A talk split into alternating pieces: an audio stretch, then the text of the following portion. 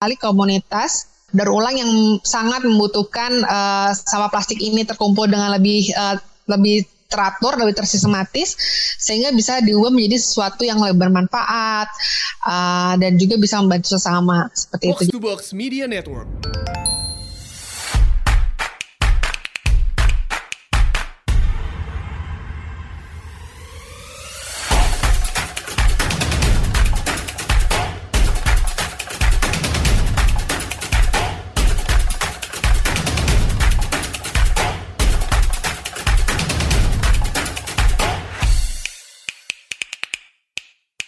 Selamat datang di Asumsi Bersuara. Kali ini kita akan bahas lagi nih soal kepedulian lingkungan dan lebih tepatnya terkait daur ulang sampah plastik kemasan bekas pakai. Mungkin pendengar yang beberapa minggu lalu uh, dengerin podcast kita juga, uh, kita pernah bahas soal ini dan salah satu key takeaways-nya waktu itu adalah pentingnya kerjasama pemerintah, industri, LSM dan juga kita semua nih masyarakat untuk ikut kontribusi ya dalam upaya daur ulang sampah plastik kemasan ini gitu. Jumlahnya banyak banget kan setiap tahunnya gitu. Nah hari ini kita akan bahas soal uh, upaya daur ulang ini lebih dalam lagi gitu dan saya kedatangan dua tamu lagi ada Mbak Hana Nur Auliana Head of Communication and Engagement di Waste for Change. Selamat datang Mbak Hana di Asumsi Bersuara. Halo Mas Rey, apa kabar? Baik, baik, baik. Dan saya juga kedatangan Mbak Fitriana Adisti, uh, Senior Brand Manager dari PT Coca-Cola Indonesia. Selamat datang Mbak Fitri ya di Asumsi Bersuara. Thank you, selamat malam juga Mas Ray. Malam.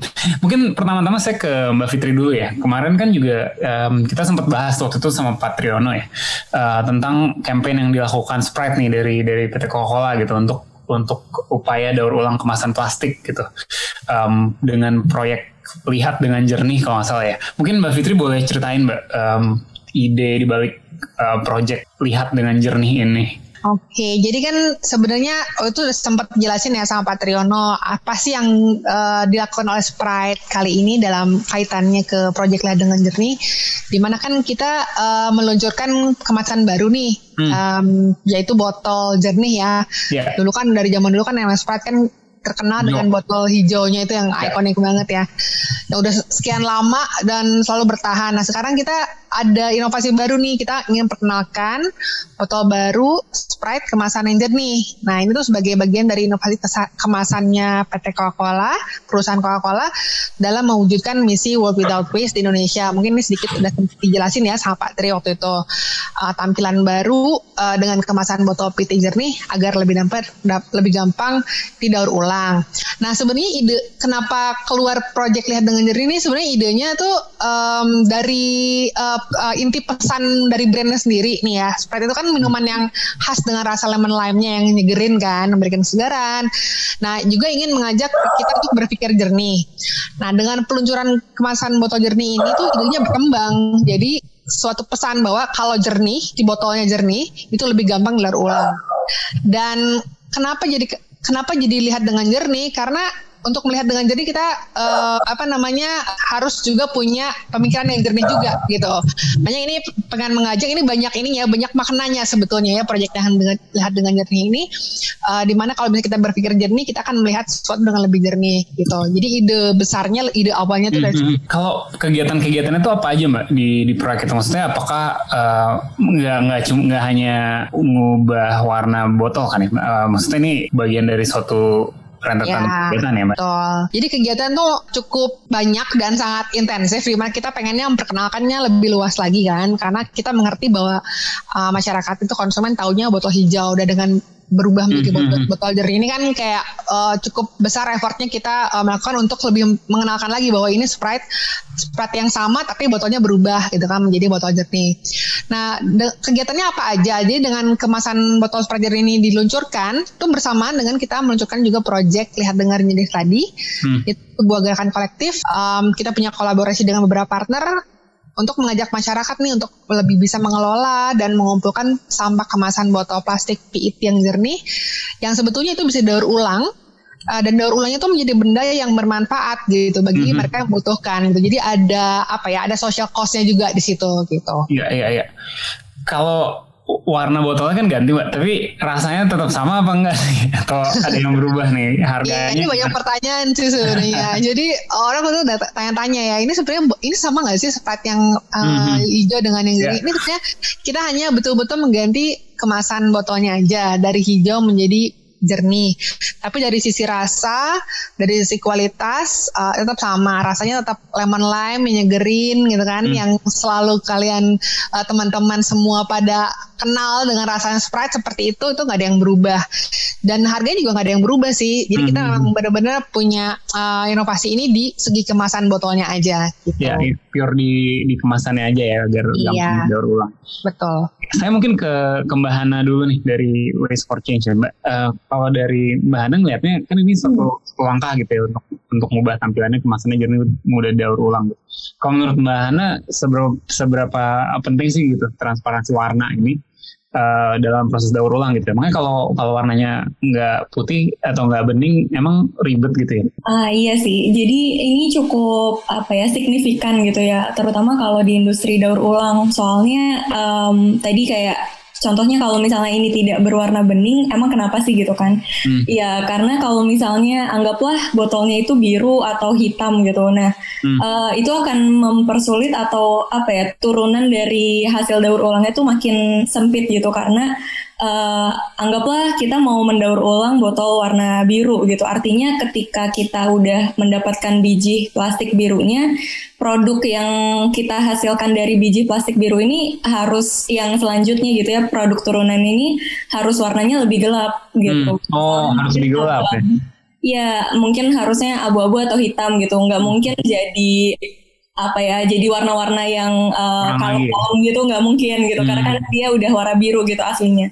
Tapi kalau misalnya warnanya bening ini kemungkinan variasi produk yang bisa dihasilkan tuh jadinya lebih banyak. I see I see. Kalau sebenarnya kalau permintaan buat daur ulang produk PET ini ya produk plastik ini uh, seperti apa sih mbak kalau dari um, dari ya ada um, ya permintaannya uh, demandnya Ya jadi kan karena PET ini jenis plastik yang paling mudah didaur ulang ya dan jumlah pendaur ulangannya itu bisa sampai 50 kali didaur ulang um, terus-terus gitu sampai 50 kali. Jadi termasuk yang paling banyak jumlah daur ulangnya gitu dalam hmm. sekali um, misalnya satu botol tuh bisa masih bisa didaur ulang sampai 50 kali gitu. Nah, uh, pengap pengaplikasiannya juga tuh uh, termasuk yang paling banyak macamnya. Jadi mulai dari benang uh, polyester gitu, dakron, tas plastik hingga bisa jadi botol plastik lagi. Kalau dari Waste for Change sendiri ngeliatnya sebenarnya uh, permasalahan pengelolaan sampah ini seberapa pelik sih Mbak di Indonesia ini? Uh, iya, bisa dibilang sih cukup mengkhawatirkan ya gitu. Hmm. Jadi kayak saat ini aja tuh kan uh, sampah kita banyak treatmentnya itu hanya kumpul angkut buang. Jadi dan dibuangnya ini um, mostly itu ke TPA gitu, uh, tempat pemrosesan akhir. Sehingga saat ini di Indonesia banyak banyak sekali TPA yang udah mulai overload. Uh, bahkan ada beberapa TPA itu udah diprediksi nggak akan bisa diisi lagi gitu. Jadi hmm. harus di stop gitu transportasi ke sana. Kayak contohnya di Jakarta aja ini hmm, cukup memprihatinkan sekali ya bahwa diprediksi TPA Bantar Gebang uh, tempat di mana sampah-sampah Jakarta itu dikirimkan itu perlu berhenti beroperasi di akhir tahun ini gitu. Jadi um, Udah ya Bantar Gebang. Betul. Jadi dari ya dari pemerintah daerahnya sendiri nih lagi berusaha banget untuk bisa ngurangi jumlah sampah yang masuk ke TPA Bantar Gebang kayak gitu. Mm -hmm. Selain itu, penumpukan sampah di TPA ini tadi udah berpuluh-puluh tahun ya kita menggunakan TPA itu sebenarnya karena bercampur semua di sana itu menghasilkan gas metana yang dia itu 20 kali lebih berbahaya dari gas karbon dioksida kayak gitu. Jadi yeah. um, ya cukup prihatinkan, memprihatinkan. Ya, kan uh, kemarin sempat ngecek-cek nih websitenya uh, Waste for Change gitu. Ada hmm. ada tulisan gitu kan waktunya mengelola sampah secara bertanggung jawab. Mungkin boleh dijelasin tuh, Maksudnya maksudnya apa sih uh, mengelola sampah secara bertanggung jawab? Oke, iya jadi uh, di sini sebenarnya Waste for Change artinya bertanggung jawab itu ada dua. Kita itu ingin uh, bertanggung jawab secara lingkungan dan sosial. Jadi um, kita ingin uh, dengan cara melakukan pengelolaan sampah yang bertanggung jawab itu, artinya kita ini uh, bertanggung jawab ke lingkungan dengan cara mengurangi dampak dari sampah yang kita hasilkan ke lingkungan dengan cara mungkin bisa dikompos atau bisa didaur ulang atau nantinya diproses uh, residual gitu ya tapi emang ramah lingkungan uh, kayak gitu. Terus yang secara sosialnya ini artinya uh, kita memberikan uh, pemberdayaan gitu ya bagi petugas-petugas persampahan yang mungkin saat ini tuh masih dianggap sebelah mata gitu. Mereka tidak diberikan fasilitas hmm. apa APD yang baik gitu ya. Terus uh, mungkin dari segi pendapatan juga seadanya gitu kan kayak kalau kita melihat pemulung atau penarik gerobak gitu. Nah, ini kita pengen memberdayakan mereka untuk menjadi lebih uh, baik lagi gitu uh, kehidupannya. Kalau uh, dari Waste for Change ya um, apa ya untuk hmm. mendorong um, aksi kolektif dari masyarakat juga gitu dari dari kita kita nih uh, pendengar-pendengar gitu apa aja nih mbak yang udah dilakukan?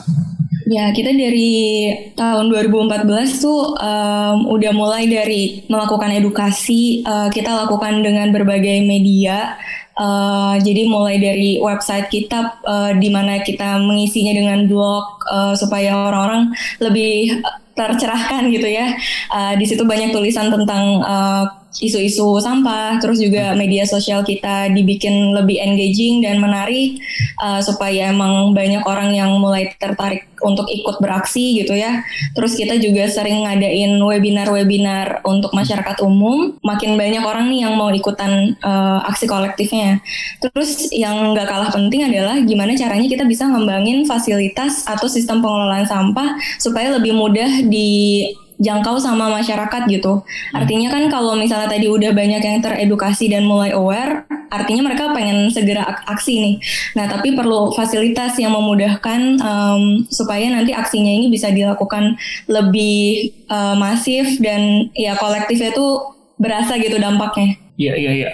Um, mungkin saya beralih lagi ke ke Mbak Fitri nih um, untuk balik lagi ke ke project uh, lihat dengan jernih tadi gitu. Uh, kan ini akan melibatkan masyarakat juga nih kita kita gitu ya, pendengar dan dan lain-lain buat bergabung tuh gimana sih cara dan dan dapat apa gitu? Apa manfaatnya buat kita gitu? Kita udah bikin suatu mekanisme yang mudah-mudahan cukup simpel untuk gimana caranya hmm. bergabung dan berpartisipasi. Uh, sebenarnya gampang aja. Jadi kalau misalnya pengen tahu gimana sih caranya apa sih program ini dan uh, gimana sih cara ikutannya itu sebenarnya bisa dilihat uh, pertama-tama bisa masuk dulu ke lihat dulu ke Instagramnya Sprite at Sprite hmm. underscore ID Hmm. Nah di situ uh, di bio-nya tuh ada link ya, ada linknya yang akan mengarahkan kita ke microsite atau websitenya Waste for Change. Di situ hmm. ada halaman res, halaman khusus untuk project lihat dengan jernih. Nah di situ ada tuh mekanismenya, ada tata caranya seperti apa kita uh, harus melakukan apa untuk mendaftarkan dan juga berpartisipasi. Jadi pertama-tama uh, harus daftar dulu di uh, Waste for Change-nya website hmm. itu. Kemudian nanti kalau misalnya kita udah punya botolnya nih punya botol bekasnya Sprite um, jernih dan juga botol plastik tas pakai lainnya itu bisa di, dikirimkan ke Waste for Change dan setelah itu um, jadi ikutin aja cara pendaftarannya udah daftar langsung bisa kita mulai pengiriman pada saat akhir periodenya kita bisa memilih itu kan kita akan mendaur ulang botol plastik bekas pakai mm -hmm. itu mhm. jadi sesuatu mm -hmm. ya menjadi kacamata nah kacamatanya ini bisa kita donasikan atau bisa kita uh, dapatkan juga. Jadi bisa dua cara nih, bisa didonasikan atau kita dapatkan. Jadi sebenarnya satu orang partisipan itu akan mendapatkan dua. Nah, satu akan didonasikan, satu lagi bisa kita dapatkan, bisa juga dua-duanya didonasikan ke uh, yang akan nanti disebutkan ke Yayasan Sejuta Kacamata untuk Indonesia seperti itu. Oh jadi dari dari botol plastiknya ini akan akan di, diolah jadi kacamata ya? Betul. Iya. menarik menarik dan ini bisa di donate atau bisa dibeli sendiri gitu. Jadi kita bisa beli iya. kacamata yang berasal dari botol plastik yang kita minum iya. juga sebelumnya gitu ya. Kalau yang, yang terlibat di proyek ini siapa aja mbak? Selain Sprite dan for Change? Ya, jadi kita memang untuk proyek ini ada beberapa mitra yang kita uh, berkolaborasi ya, yang terlibat dalam proyek ini. Kita punya apa ya visi yang tujuan yang sama nih untuk mendukung uh, apa namanya daur ulang ya, daur ulang ekosistem di Indonesia. Salah satunya tuh uh, ada Sprite yang sebagai brand owner itu yang meluncurkan kemasan baru botol jernihnya yang juga menginisiasi proyek. Kemudian ada Waste for Change ini uh, partner kita um, untuk yang berperan sebagai mitra pengumpulan sampah, di mana Waste for Change juga punya bekerjasama dengan bank-bank sampah ya sebagai tempat pengumpulannya. Kemudian ada juga uh, partner kita yang uh, akan memproduksi atau mengolah botol plastik hmm. pas pakai tersebut menjadi kacamata yaitu plastik. Jadi ada tiga partner yang terlibat ya Sprite, Waste for Change dan Plustik. Selain hmm. itu juga kita melibatkan yayasan sejuta kacamata yang kita gandeng untuk uh, program donasi kacamatanya tersebut di akhir periode. I see, I see. Mbak Hana, mungkin kalau dari Waste for, Waste for Change sendiri ya, kerjasamanya seperti apa nih? Um, jadi dari Waste for Change-nya yang ngumpulin uh, kacamatanya gitu, terus kelanjutannya gimana? Oke, iya. Jadi di sini uh, Waste for Change mungkin bisa dibilang sebagai jembatan gitu ya, terutama hmm. antara uh, Sprite sama para konsumennya nih yang, uh, karena kan tadi Sprite ingin meningkatkan jumlah kemasan uh, yang bisa didaur ulang gitu kan. Nah, um, jadi emang ini udah jadi bagian tanggung jawab dari produsen gitu kan untuk yaitu Sprite uh, untuk ngurangin jumlah sampah yang uh, berakhir ke, ke lingkungan gitu. Nah di Waste for Change sendiri ini kita uh, bantu untuk nyiapin fasilitasnya uh, supaya memudahkan para konsumen Sprite uh, untuk bisa ngedaur ulang dengan cara kita menyediakan website gitu hmm. untuk nanti um, teman-teman yang mau daur ulang tuh lebih mudah. Terus kita ada ya tadi database mitra daur ulang seperti uh, bank sampah ataupun lokasinya Waste for Change sendiri. Habis itu kalau udah dikumpulin nanti um, kita salurkan ke plastik tadi untuk didaur ulang jadi kacamata. Mekanismenya seperti apa mbak buat buat ngumpulinnya itu gitu? Harus di drop di mana atau? Iya jadi kita um, di awal kan emang udah ngajak ini uh, untuk ngumpulin botol bekas pakainya terus uh, dengan cara tadi daftar ke websitenya w4c.id slash lihat jernih itu um, di situ tinggal ngikutin aja cara tata cara untuk daftar dan memiliki akun. Nah, kalau misalnya udah terkumpul nih botol-botolnya kan untuk ngikutin program ini untuk dapetin kacamatanya tadi tuh perlu ada minimal 4 botol Sprite sama 4 botol lainnya gitu. Jadi harus ada 8 botol. Uh, terus kalau udah punya di di wrap um, dikemas gitu ya uh, menggunakan kardus gitu yang rapi terus nanti bisa dikirimin ke alamat yang uh, dipilih di website tadi. Kan ada beberapa uh, alamat yang bisa jadi tujuan. Nah pilih aja yang paling dekat kayak gitu. Jadi habis itu nanti tinggal dikirimin nanti dapat kode gitu. Kodenya hmm. tinggal di uh, tempel terus nanti dikirim menggunakan ekspedisi pilihan gitu I see, I see. Yeah. Mungkin saya ke Mbak Fitri lagi. Ini um, proyeknya di seluruh Indonesia atau atau di mana aja uh, bisa yang bisa ikutan? Ya, jadi uh, untuk langkah awal nih sebenarnya uh, kita kan mau mulai proyek ini kita mulai diselenggarakannya di Jakarta sama Surabaya. Hmm. Um, karena saat ini mitra daur ulang kita yaitu West Franchise itu siap menerima botol bekas pakai pasca konsumsinya di situ di Jakarta dan Surabaya. Tapi sebenarnya tidak menutup kemungkinan juga untuk teman-teman yang pengen berpartisipasi itu mengirimkan dari luar kota ke Jakarta atau Surabaya karena memang hmm. uh, dari pengalaman kita udah lumayan juga. Ada beberapa uh, partisipan yang mengirimkannya lumayan jauh-jauh juga. Ada yang dari Medan ada yang dari uh, Bandung ada yang dari mana gitu. Jadi uh, meskipun kita selenggarakan di Jalan Surabaya tapi uh, respon dari teman-teman yang ingin berpartisipasi juga cukup uh, baik ya. Jadi uh, tidak menutup kemungkinan juga gitu uh, dari dari kota-kota lain. Pengennya sih ke depannya kita membuka lebih luas lagi ya. Kita lagi mempelajari nih ini uh, proyek ini kita pelajari uh, responnya juga dari um, konsumen, dari partisipan juga seperti apa proses pengumpulan botolnya dan ke depannya kita pengennya lebih luas lagi membuka dan memberikan kesempatan buat teman-teman di kota-kota lain di Indonesia sehingga ikut bisa ikut berpartisipasi juga di proyek lihat dengan jernih untuk mendukung juga yang namanya uh, daur ulang gitu. I see, I see. Kalau kan tadi daur ulangnya di um, diproses menjadi kacamata gitu ya daur ulang dari botol plastik uh, yeah. Sprite ini. Kenapa tuh mbak? Kenapa kacamata? Ada ada apa tuh? Uh, ceritanya seru nih sebenarnya ya. Jadi kenapa sih jadi kacamata? Jadi ini dari ide kreatif sih, dari ide kreatif hmm. uh, Sprite, di mana kita tuh pengen menyatukan dua ide besar atau pesan besar ya. Satu kan kita peluncuran punya peluncuran kemasan baru botol jernih nih um, dengan komunikasi brand value-nya Sprite ya yang selama ini kita sudah um, apa namanya konsisten mengkomunikasikan bahwa Sprite itu adalah brand yang otentik, yang transparan, yang apa adanya gitu kan. Nah kemudian ide besarnya lagi adalah Sprite ini yang selalu ingin memberikan kesegaran, gitu, memberikan hmm. kesegaran juga mengajak kita untuk berpikir jernih. Lalu dikembangkan menjadi ide yang berkaitan dengan botol nih ya. Kalau botolnya jernih, lebih gampang daur ulang, Hmm. Terus uh, apa namanya uh, daur ulangnya itu bisa menjadi kacamata gitu kan. Jadi karena dari pesan dan ajakan ini kita berpikir jernih untuk melihat dengan jernih. ini manifestasinya jadi kacamata karena kacamata itu membantu kita untuk melihat dengan jernih. Jadi sebenarnya kaitannya seperti itu sih cerita ide besarnya kenapa bisa jadi kacamata. Gitu. Kalau bikin kacamata dari bahan dasar daur ulang plastik bekas tuh kayak gimana prosesnya? Uh, jadi secara simpelnya sih gini, botol-botol plastik uh, bekas pakai ini kan dikumpulkan oleh uh, teman-teman uh, dikirimkan ke Waste for Change ya mitra Waste for Change.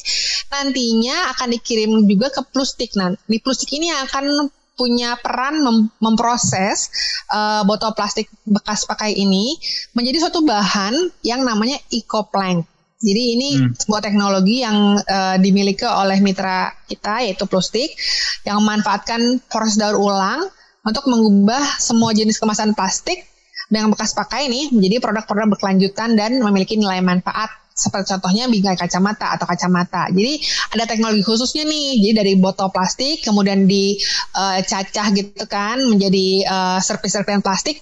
Kemudian ada proses lanjutan yang akhirnya menjadi ekoplank. Nah, ekoplank ini menjadi bahannya untuk membuat kacamata itu. I see, I see. Um, kalau mungkin aku beralih ke Mbak dulu ya.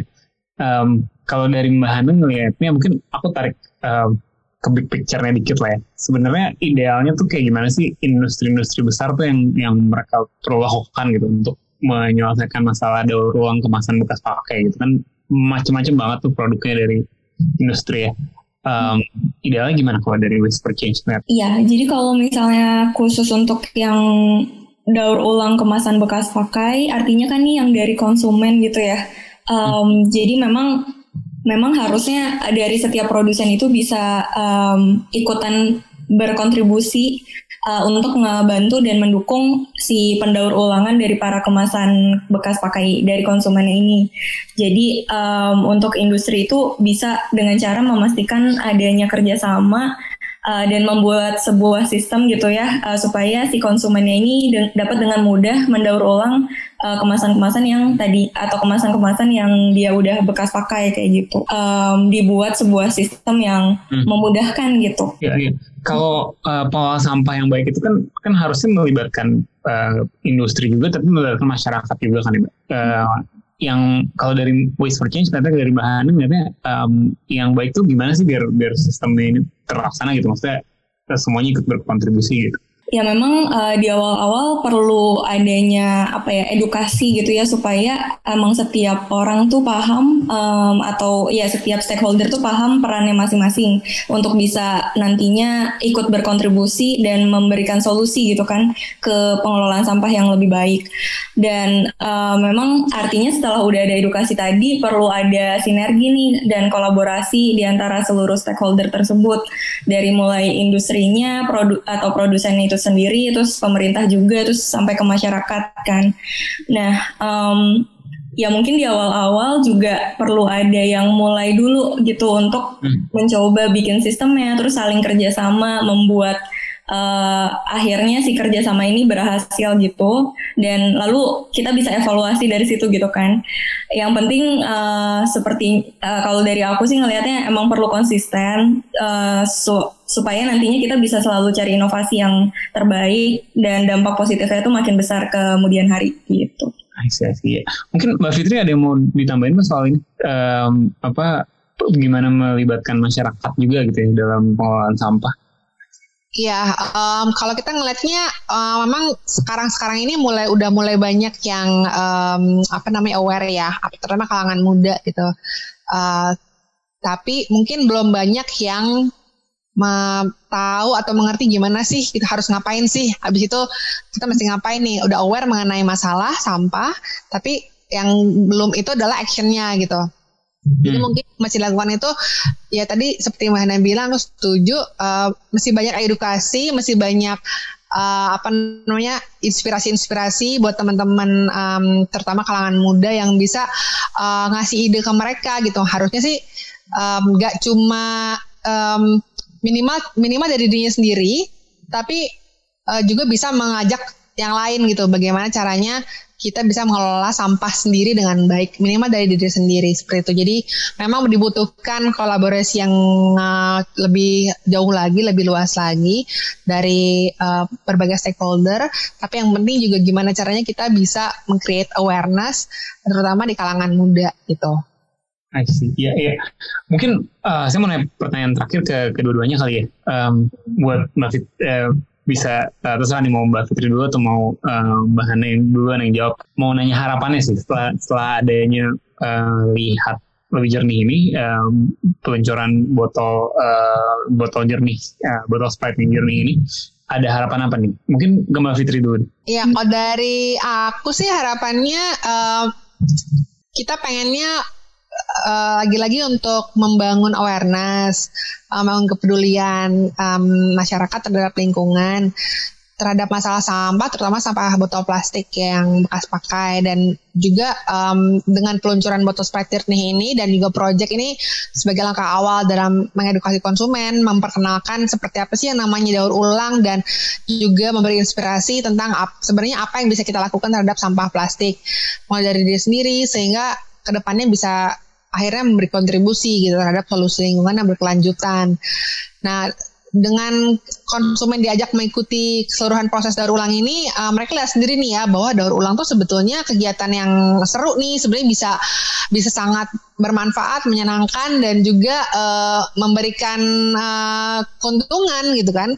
Selain dari diri mereka sendiri, proses daur ulang ini sebenarnya berdampak nggak cuma buat kita tapi buat orang lain juga karena banyak sekali komunitas daur ulang yang sangat membutuhkan uh, sampah plastik ini terkumpul dengan lebih uh, lebih teratur, lebih tersistematis, sehingga bisa diubah menjadi sesuatu yang lebih bermanfaat uh, dan juga bisa membantu sesama seperti itu. Jadi harapannya um, secara garis besar adalah ingin lebih mengedukasi dan berinspirasi buat uh, masyarakat, terutama kalangan muda, uh, untuk bisa lebih bertindak nyata uh, terhadap permasalahan lingkungan gitu. Oke, okay. mungkin untuk Mbak Hana Mbak Uh, iya, aku tadi setuju banget sih. Uh, dan ini apa ya kayak seneng banget sebenarnya karena udah diajakin kolaborasi bareng Sprite gitu kan. Dan kita ngelihatnya um, akan semakin banyak orang yang uh, mau nih ikutan karena dari Sprite sendiri juga melakukan edukasinya kan ke berbagai channel kayak gitu. Jadi uh, harapanku juga jadinya ini adalah salah satu cara untuk bisa menjangkau lebih banyak orang, uh, anak-anak muda yang akhirnya bisa ikutan uh, berkontribusi dan beraksi nyata gitu kan dengan cara mendaur ulang lebih mudah. Terus juga dari hal kecil ini yang mungkin um, mereka memil akhirnya bisa memilah sampah, terus juga bisa mendaur ulang botol plastik PET-nya. Um, ini harapannya juga ke depannya yang udah ikutan jadi bisa jadi green champion di komunitas atau di masyarakatnya ngajakin lebih banyak orang dan akhirnya lebih banyak orang lagi yang uh, paham soal isu sampah dan ikut beraksi di uh, isu ini gitu sih. Oke okay, oke. Okay. Untuk uh, sebenarnya pertanyaan dari dari saya udah udah udah selesai sih udah nggak udah nggak ada lagi. Cuman mungkin kalau dari Mbak Hana dan Mbak Fitri apa ada hal lain yang kita belum sempat sentuh dari tadi tapi uh, kayaknya penting untuk pendengar asumsi bersuara dengar uh, ta, uh, ketahui gitu. Mungkin ke Mbak Hana dulu ya. Enggak sih karena tadi juga udah disebutin kayak ya dari diri sendiri dulu nggak apa-apa kayak gitu kan harus ikut nyontohin kayak gitu. Um, seperti ya udah sih Ya, kalau dari Mbak Fitri Mbak? Kalau dari aku mungkin pesan terakhirnya uh, proyek ini kan masih berjalan ya sampai tanggal 1 Mei ini masih ada waktu beberapa hari lagi. Uh, pengen ngajakin teman-teman semua sih pendengar, teman-teman kalangan masyarakat yang anak-anak muda gitu kan. Uh, ayo um, coba kita ikut berpartisipasi uh, minimal untuk proyek ini kita mengenalkan diri terhadap prosedur ulang. Um, dan juga akhirnya kita bisa uh, punya aksi sosial juga nih karena kan akhirnya kacamata ini akan didonasikan juga ke yayasan Juta Kacamata untuk Indonesia di akhir periode project. Jadi uh, ngingetin aja kalau kita masih membuka uh, partisipasi sampai batas pengiriman akhir tanggal 1 Mei. Uh, tinggal ingetin lagi ya tinggal uh, cek aja di Instagramnya Sprite. Uh, lihat situ ada bio-nya, link langsung yang mengarahkan ke microsite di websitenya Waste for Change. Tata caranya di situ lengkap, tinggal diikuti dan jangan lupa kumpulin botol plastik bekas pakai kalian, jangan dibayang, jangan dibuang sembarangan, tapi itu sebenarnya bisa diolah gitu, menjadi sesuatu yang bermanfaat gitu. Siap. Thank you banget nih Mbak Fitri dan Mbak Hana atas waktunya uh, udah ngobrolin uh, daur ulang bareng sama kita nih. Moga-moga pendengar asumsi bersuara pada mau ikutan nih. Iya itu ya untuk pendengar asumsi bersuara bisa juga tuh langsung ke IG-nya uh, Sprite underscore ID terus di situ ada link di bio-nya. Uh, klik di situ untuk bisa ikutan ya kalau um, untuk bisa um, ikut berpartisipasi gitu uh, ngedaur ulang um, botol-botol plastik kalian untuk jadi kacamata nantinya bisa dipakai. Thank you banget Mbak Fitri, thank you banget Mbak Hana. Sama, ya, untuk pendengar asumsi bersuara seperti biasa jangan lupa follow Asumsiko, follow Box to Box ID. Mbak Fitri, Mbak Hana ada uh, akun sosial media mungkin yang mau dipromosikan? Uh, yang jelas sih at sprite underscore ID dulu itu yang penting. Ya. Mbak Hana? Iya bisa follow di at waste for change. Sampai jumpa lagi hari Selasa depan. Ciao.